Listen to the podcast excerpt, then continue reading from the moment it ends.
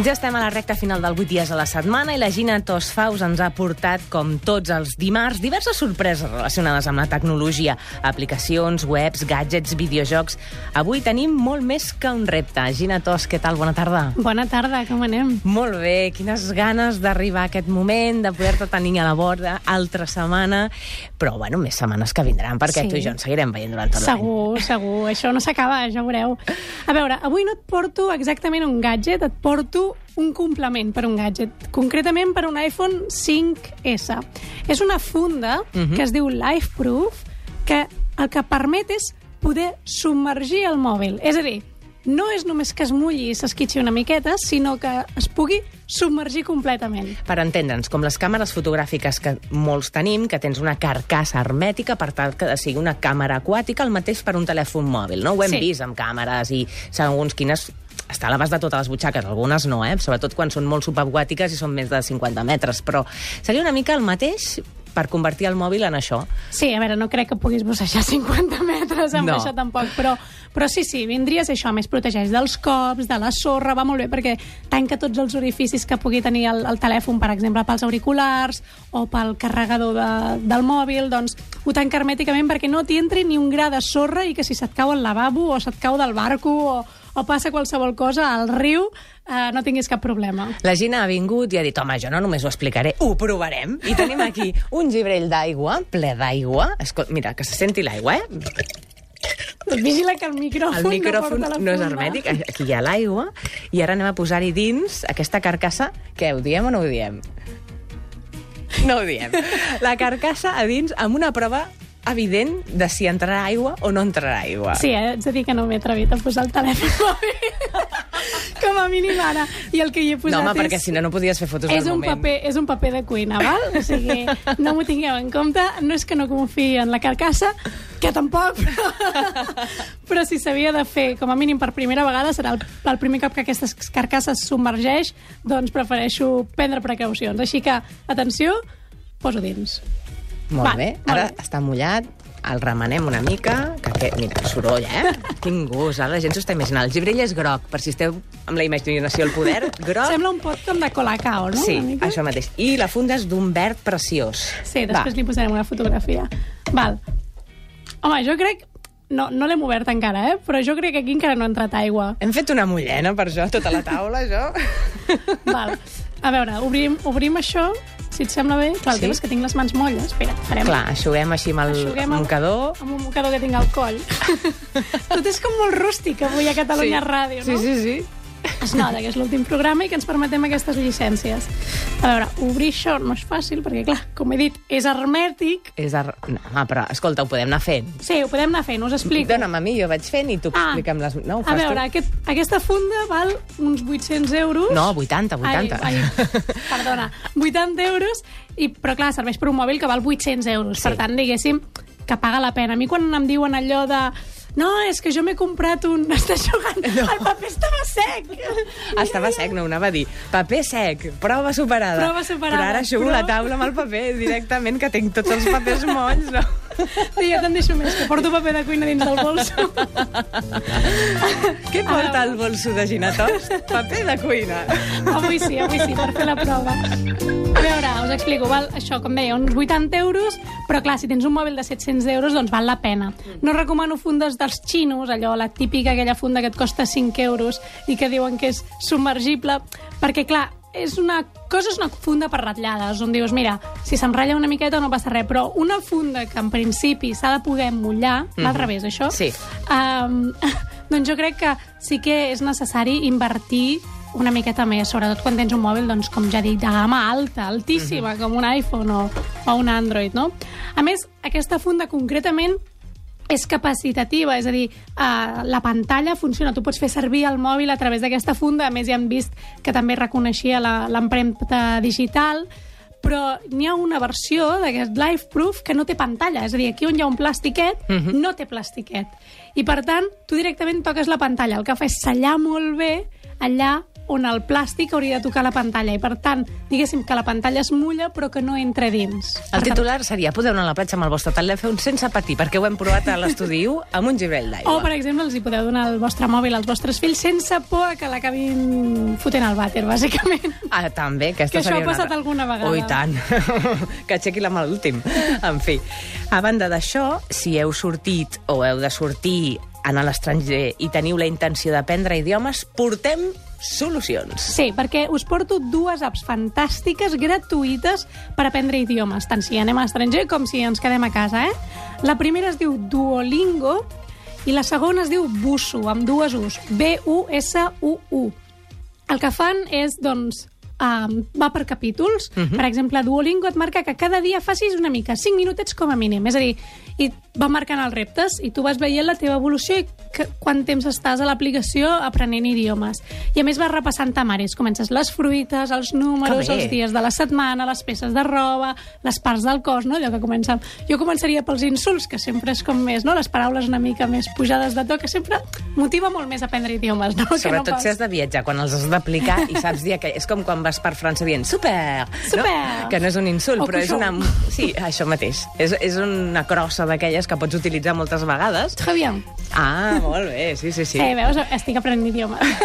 Està molt bé, A sobretot més- això de que una mica dosifiquis el temps del dia, és a dir, tens el teu moment duolingo del dia, els 5 Sí. minuts d'aprendre idiomes. A més, gamifica l'edu- l'educació dels idiomes. Per exemple, et donen medalles i et Mhm. diuen, mira, ara portes 10 dies seguits fent-ho. Molt bé, donem la medalla del 10 dies seguits, no? Allò... Que bé. I això està molt bé, perquè a mi no sé, motiva a seguir entrant al següent dia i fent-ho. I si no ho fas, penses, ai, ja no podré seguir, haig de tornar una altra vegada a zero i haig d'aconseguir la medalla, no? És com quan fan el Fitbit, allò, has fet 10.000 passes al dia, la medalla dels 10.000 Exacte. passes. Està bé, necessitem La gamificació està bé, sí. motiva. A més, amb els dos pots triar què vols aprendre, quin idioma, eh? Però només un idioma a la vegada.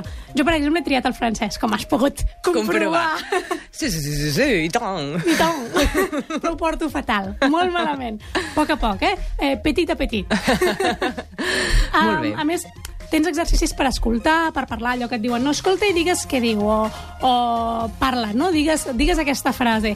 I, de fet, si ets al tren o en algun lloc públic i et fa vergonya, li pots dir, mira, ara no puc parlar perquè no estic a casa meva, Que que això està molt bé. I el que fa és saltar-te l'exercici a un altre que no tingui veu, diguéssim, Mhm. perquè si no faria una mica com de... Tu imagina't que estàs al tren i al costat, el del teu costat, et dient, très bien, très bien. Clar, és a dir, ho pots tenir en el mòbil, però també també en el teu PC o... Sí, a més, tu tens com el teu nom d'usuari i la teva contrasenya i des de qualsevol dispositiu tu entres i pots aprendre. Per tant, si estàs a casa i dius, mira, és que m'he deixat el mòbil en un bar... Per exemple, Per exemple. que tanca per vacances.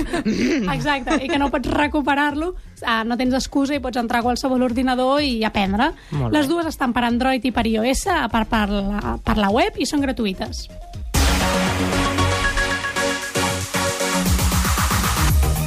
Doncs hem parlat d'un gadget, també d'una aplicació que tenim doncs, per mòbil o també per tauletes o ordinador, i ara un videojoc. Sí, a veure, jo us deixo deures, eh? Ah. A veure, perquè avui no us porto un videojoc ni per mòbil ni per tauleta.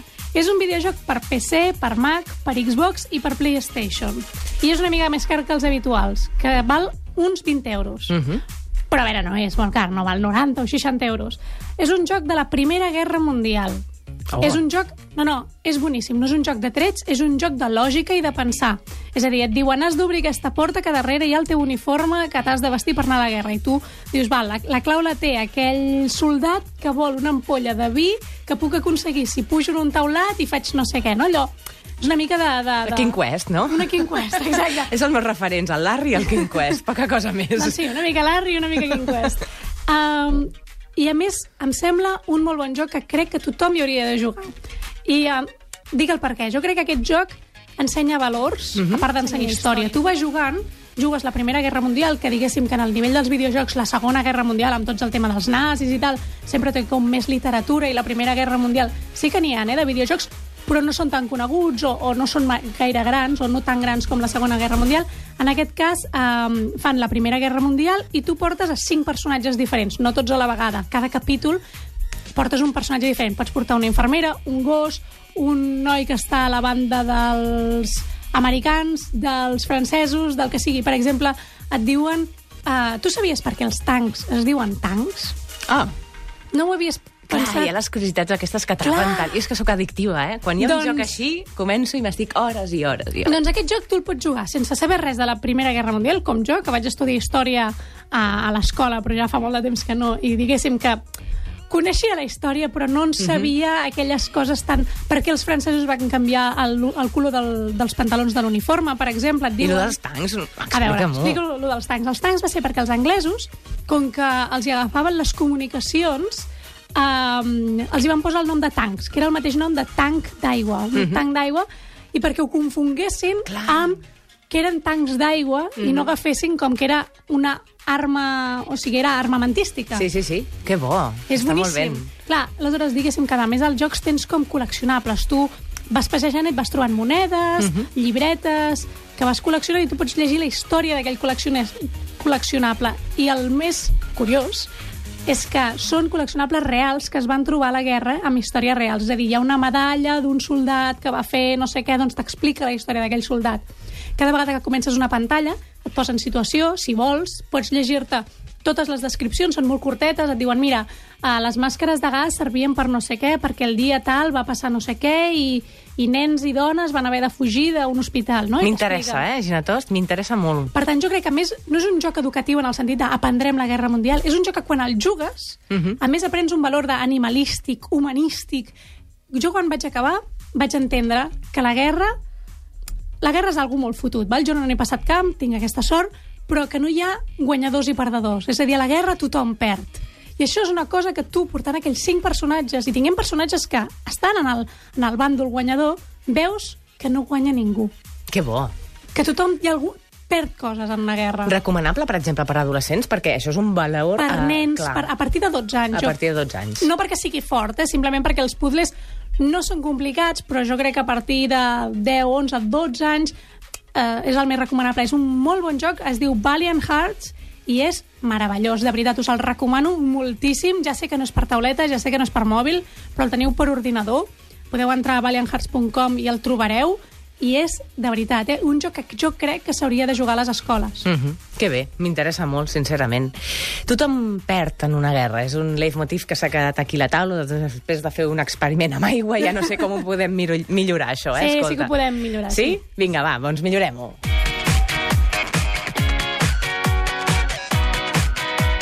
Ho podem millorar a través del temps? Uh...